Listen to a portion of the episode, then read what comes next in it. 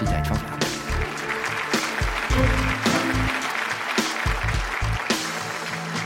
Oké, iedereen weet dat de dinosaurussen uitgestorven zijn. Dat is waarom we hebben hier zoogdieren. Oké? De dinosaurussen zijn uitgestorven nog ongeveer 66 miljoen jaar geleden. Voor geologen dat is de grens, dat is in de geologische tijdschaal, dat is de grens tussen krijt en tertiair. Tertiair is ook Cenozoicum. Als we spreken van de Cenozoicum, dat is de tijd van de zoogdier. Dat is tot vandaag. Vroeger was de Mesozoicum. En de Mesozoicum dat is vol met dinosaurussen. En de dinosaurussen zijn inderdaad dominant op aarde, op het continent, voor meer dan 150 miljoen jaar. Dat is echt bijna de hele Mesozoicum. In het begin van de Mesozoicum hadden we samen een derde, een derde, een derde. Een soort triumvira van zoogdier, dinosaurussen en reptielen. Dan plots worden de dinosaurus dominant. De reptielen beginnen te zwemmen. Dat zijn de beroemde Mosasaurus in het oceaan. Of vliegen, de Pterodactylus. De zoogdier, zoals men zegt in Brussel, ze spelen kiekebischen op het continent tussen de voeten van de dinosaurussen. Ze zijn echt niet belangrijk. Die zijn aanwezig, maar zeker niet de dominante organismen. Dat zijn de dinosaurussen. Dan de dinosaurussen zijn uitgestorven. Dat was een grote chance voor de zoogdier. En die zijn nu uitgestorven 66 miljoen jaar geleden. En we denken vandaag dat de beste hypothese om dat te begrijpen, de beste uitleg, is dat de einde van de dinosaur kwam door de inslag van een meteoriet, een heel grote meteoriet, ongeveer 10, 12 kilometer in doorsnede, zo groot bijna als de stad Brussel. De inslag van deze meteoriet is ook waarschijnlijk de beste reden waarom wij zijn hier vandaag als zoogdier en de dinosaurussen zijn uitgestorven. Maar niet alleen zijn de dinosaurussen uitgestorven, ook ongeveer, ik zal zeggen, 70 procent ongeveer van de fauna en flora op aarde is verdwenen. Wat er gebeurd is, deze inslag van een meteoriet, dat zorgt voor enorm veel energie. We kunnen schatten dat de energie die vrijkomt tijdens de botsing van een meteoriet met zo'n grote, op zo'n grote schaal tegen de aarde is ongeveer 5 miljard Hiroshima-bommen op hetzelfde moment. Dus dat is één heel harde explosie. De dinosaurussen zijn uitgestorven en het resultaat van deze inslag is ook een heel grote krater die nu ligt in, onder Yucatan. Ongeveer 200 kilometer in doorsnede. De slachtoffers van deze inslag zijn niet enkel de dinosaurussen. Op het continent we verliezen alle organismen die wegen meer dan 25 kilogram. In het oceaan het is ook heel slecht. Want in het oceaan, de microplankton met een kalkskelet, we verliezen dan ongeveer 90 procent van de species. Dus dat is echt een catastrofe voor de microplankton die echt de basis van de voedselketen in het oceaan vormt. Dus dinosaurus op het continent, microplankton in het oceaan. En de grote vraag was voor veel jaren, voor veel geologen, wat is er gebeurd tussen de Mesozoïcum, de tijd van de dino, en de Cenozoïcum, de tijd van de zoogdier. Want als we op het terrein gaan en we kijken naar deze grens tussen deze twee perioden, we vinden maar een heel fijn, dunne kleilaag, twee centimeter dik. En als we onder zijn, dan hebben we kalk, plankton in het oceaan, veel dino's op het continent. Als we boven komen, die zijn verdwenen, de zoogdier zijn de dominant en we hebben nieuwe species van micro-organismen. Dus dat is echt een grote verandering op een heel korte tijdschaal. Dus dat was een probleem voor veel geologen voor jaren. Overal de wereld, als we kijken naar deze krijt-tertiair-grens of krijt Paleogeengrens, dat hangt een beetje van, van verschillende mensen gebruiken verschillende terminologie. Als we kijken naar deze grenzen, vinden altijd dezelfde 2 centimeter dunne kleilaag. Dus in het begin van de jaren 80 waren mensen bezig met oké, wat is er daar gebeurd? En dus we zijn begonnen met analyse, chemische analyse van de 2 centimeter dunne fijn kleilaag. En dat was een grote verrassing. Want plots in de kleilaag we vinden enorm veel iridium. Iridium is een zeer zeldzaam metaal op aarde. Okay? Iridium maakt deel uit van de platina-groepelement. In iridium, als we berekenen hoeveel iridium er is echt in de korst van de aarde, komen we tot ongeveer 10 atoom iridium voor een duizend miljard van al die andere atomen. Dus dat is heel weinig. We kunnen daarover niet praten. Oké, is bijna niks. Maar in de kleilaag hadden we een grote stijging en we hadden ongeveer duizendmaal meer iridium dan in de korst van de aarde. Waarom is iridium in de hele platinagroepelement? Want iridium maakt deel uit van de platinagroepelement. Iedereen weet dat platina dat is heel duur. Hè? Dat is de reden waarom is dat zo duur. Is, er is weinig in de kort. De reden waarom dat is, is dat alles dat we hebben in platinagroepelement, iridium enzovoort, is geconcentreerd in de kern van de aarde. In een meteoriet is dat anders. De meteorieten komen meestal van de asteroïdgordel tussen Mars en Jupiter.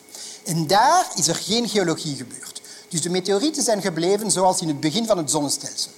Dus ze hebben geen kern, geen mantel, geen korst. Dus de distributie van iridium is veel meer homogeen over de hele meteoriet. Dus een heel goede manier om de aardekorst te contamineren met iridium is door de inslag van een meteoriet. En dat was de eerste bewijs dat inderdaad aan deze krijt-tertiair-grens er was een aanreiking aan iridium. En dat is, best uitleg is duidelijk, dat is door de inslag van een grote meteoriet. Als we nu kijken naar de distributie over de hele wereld, dat is een paleogeografische kaart van de wereld. Door de platentectoniek is dat een klein beetje anders dan vandaag. Als we kijken naar al de rode punten, dat zijn plaatsen waar we zijn gaan meten de hoeveelheid iridium in deze fijn krijt grens. Het is overal de wereld. Okay? Dat was een situatie in de jaren 80 en een aantal mensen waren niet echt overtuigd dat dat een heel goede theorie was. Maar misschien een andere manier van de iridium te contamineren enzovoort. Maar bon, een tweede duidelijk bewijs dat we hebben een inslag in deze krijt-tertiairgrens, in deze fijn kleilaag, was ook de aanwezigheid samen met iridium van geschokte kwarts. Kwarts kent iedereen. Dat is zand, dat is wat we hebben op strand in Blankenberg. Oké, er is enorm veel zand. Dat is kwarts. Maar hier we spreken van zeer bijzonder, zeer zeldzame kwarts. Dat zijn kwarts die zijn onder een heel hoge druk geweest. Een druk van meer dan 5 gigapascal. Dat is een miljoen maal de atmosferische druk. Dus deze kwarts kunnen we niet vormen in een ander geologisch proces. Niet in bergen, niet in de Alpen, niet in de Himalaya. En de kwarts zijn gekarakteriseerd door zeer fijn, dunne lagen. Dat is een vervorming van een kristallografische structuur. Dus deze kwarts kennen we vandaag in inslagkrater op aarde, maar ook door de nucleaire testing van de Amerikanen en de Sovjet-Unie in de jaren 50. Ze vonden dat heel leuk om een aantal uh, bommen te laten exploderen in de woestijn waar er kwarts was en al de kwarts waren geschokt door deze hoge druk. Okay, dus dat was een tweede bewijs en dan was iedereen oké, dat is misschien een veel betere theorie. Maar één probleem blijft. Eén probleem was waar is de krater? Als we nu kijken naar dezelfde kaart met de distributie van de kwarts die onder hoge druk kwamen, we vinden dat veel van de kwartsen liggen in Noord-Amerika of in de Stiloceaan. En dat was voor ons, einde van de jaren 80, toen ik begonnen ben met mijn PhD in Californië, dat was een duidelijk beeld, zal ik zeggen, dat we moeten gaan zoeken voor de krater in Mexico of in Zuid-Amerika. En jullie weten, in alle goede detectiveverhaal, als we geen moordwapen hebben, kunnen we nooit de dader vinden. Oké? Dus we moeten de krater vinden om echt te kunnen iedereen overtuigd dat deze theorie van een inslag voor de extinctie van de dinosaur heel goed is. Dus we zijn gaan zoeken naar de tertiaire grens in Mexico. En daar, in plaats van een fijn dunne kleilaag, vinden we ook een grote dikke pakket van zand. Oké, Die is ongeveer vier meter dik. Dus dat was een enorme verrassing. We beginnen een beetje te studeren de afzettingconditie van deze zand. Want zand die we daar vinden in Mexico, werd afgezet in een diepte van ongeveer 500 meter, of misschien veel meer. Dus dat is heel moeilijk in een heel rustige omgeving, zoals de Diepoceaan, om kwarts zand te vinden. Normaal vinden we dat op strand of dicht bij de kust, niet in de Diepoceaan. De enige manier van dat te doen, dat is een enorm tsunamigolf. En een enorm tsunamigolf, dat wil zeggen dat we dicht bij de krater zijn. Inderdaad, als we een krater vormen door een inslag aan, op de korsten van de aarde, we zullen een enorme holt creëren tot een diepte van misschien twee keer de diameter van het projectiel. Dus voor een meteoriet 10 kilometer, dat wil zeggen dat we gaan tot een diepte van 20 kilometer. Dat is zeer diep, zeker. En ik heb gezegd, enorm veel energie vrijkomt. Dus ook, behalve de geschokte golven, ook seismische activiteit. En we spreken hier van aardbevingen met een 12 of misschien 13 op de Richterschaal. Jullie weten, de grootste op aarde vandaag is ongeveer 9. Dat is een logaritmische schaal, dus dat is een enorm hoeveelheid energie die vrijkomt. Dus onze idee was, oké, de krater moet dichtbij zijn, want we hebben hier de grote tsunami die, worden, die werden geproduceerd door de vorming van de krater. En inderdaad, een beetje later hebben we de krater kunnen vinden, niet aan toppervlakte, want de krater is nu bedekt door ongeveer een pakket van 1 kilometer van sediment afgezet tijdens de Cenozoicum. Dus we hebben de krater gevonden onder Yucatan. Onder de Yucatan Peninsula in Mexico. We vinden deze krater terug. Er zijn maar twee manieren om deze krater te bestuderen. Eerst geofysische beelden. Hier we hebben een 3D-model van, ik zal zeggen, de anomalie van de graviteit. Die zien dat, dat zijn de rode lijnen, we kunnen een rand van de krater zien en dan in het centrum een central peak. Deze central peak ring wordt gevormd door de gesteenten die onder druk kwamen.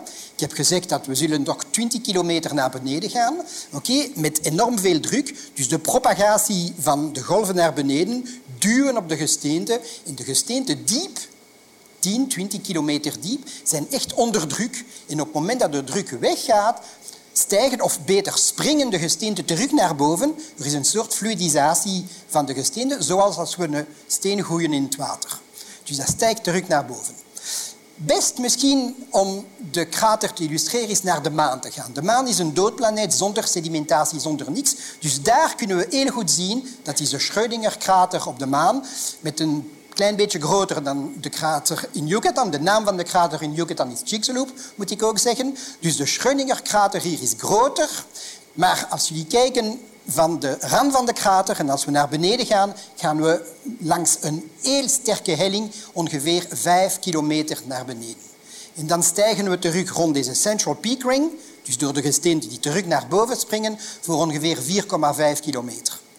Dus dat is echt een enorme structuur. En dat is precies de Chicxulub-krater in Yucatan 66 miljoen jaar geleden was toen zoals de Schrödinger-krater op de maan vandaag. In 2016 met een grote consortium uh, van onderzoekers zijn we de krater gaan boren. We zijn precies gaan boren in deze central peak ring van de krater. De boring was duur, maar er was ook een fantastisch resultaat. Ik zal maar één ding vandaag Er is veel meer te zeggen. Dus we zijn gaan boren in de central peak ring van de krater. En als we kijken naar de gesteenten die naar boven kwamen, als we kijken naar de boorkernen, dat is wat we vinden. Wat jullie moeten ook weten, is dat op het moment van de inslag de korst van Yucatan was samengesteld door sediment, ongeveer drie kilometer. In de sediment dat was carbonaten en gips. En dieper hadden we een grote sokkel met graniet. Als we kijken naar de gesteenten die naar boven kwamen, we vinden veel brokstukken, veel fragmenten van de graniet, en dat is normaal. En we vinden ook veel fragmenten van de carbonaat. Maar de gips is volledig weg. Dat wil zeggen dat de hele pakket van gipsum die wij hadden in Yucatan is verdampt. Gips onder oogdruk laat vrijkomen zwavel, zwavelcomponent, SO2 of SO3. En deze zwavel is volledig geïnjecteerd in de atmosfeer. Dus over een heel korte termijn van een paar uren is er een enorme stijging van de zwavelcomponent in de atmosfeer. En we schatten dat ongeveer 320 gigaton zwavel vrijkwam door de verdamping van de dikke lagen gips in Yucatan.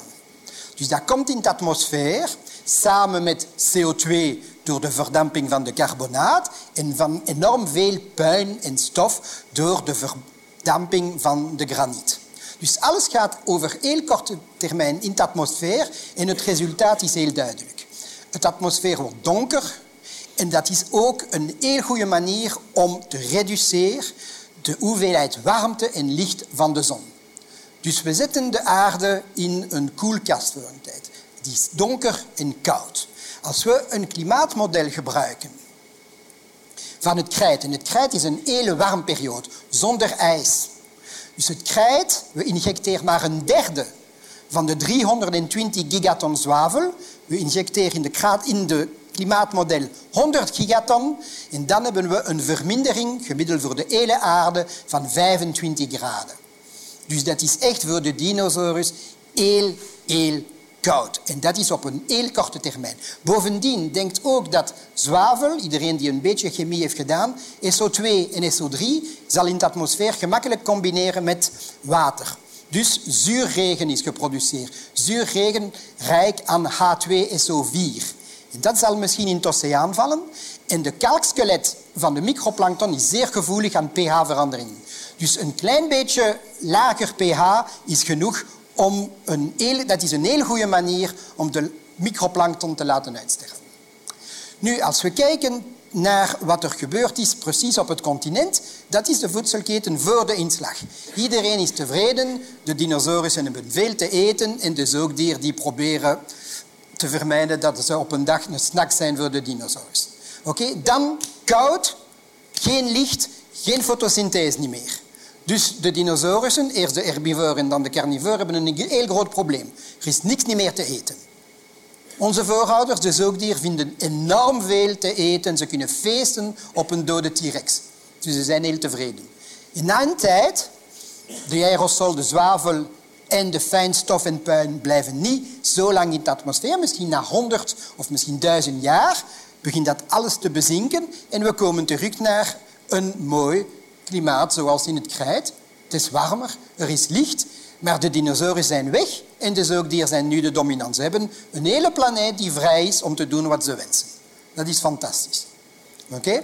Ik denk dat deze verhaal moet ook ons iets leren. Oké? Een beetje bescheidenheid. De dinosaurussen, heb ik gezegd, zijn de dominante organismen voor meer dan 150 miljoen jaar. En ik denk dat af en toe in de evolutie we hebben survival of the fittest, maar we hebben ook survival of the luckiest. En volgens mij dat is wat gebeurd is 66 miljoen jaar geleden en dat is voor ons een enorme chance. Je bent geïnteresseerd in wetenschap en in podcasts? Wel, dan hebben we goed nieuws. Wist je namelijk dat wij een tweede podcastkanaal hebben? Dat heet Lableven en dat kan je met een simpele klik terugvinden in deze podcast-app. Wil je helemaal niks missen? Abonneer je dan zeker ook op dat kanaal. En wil je ook andere mensen overtuigen om naar deze podcast te luisteren? Laat dan een review achter, zodat iedereen ons makkelijk terugvindt.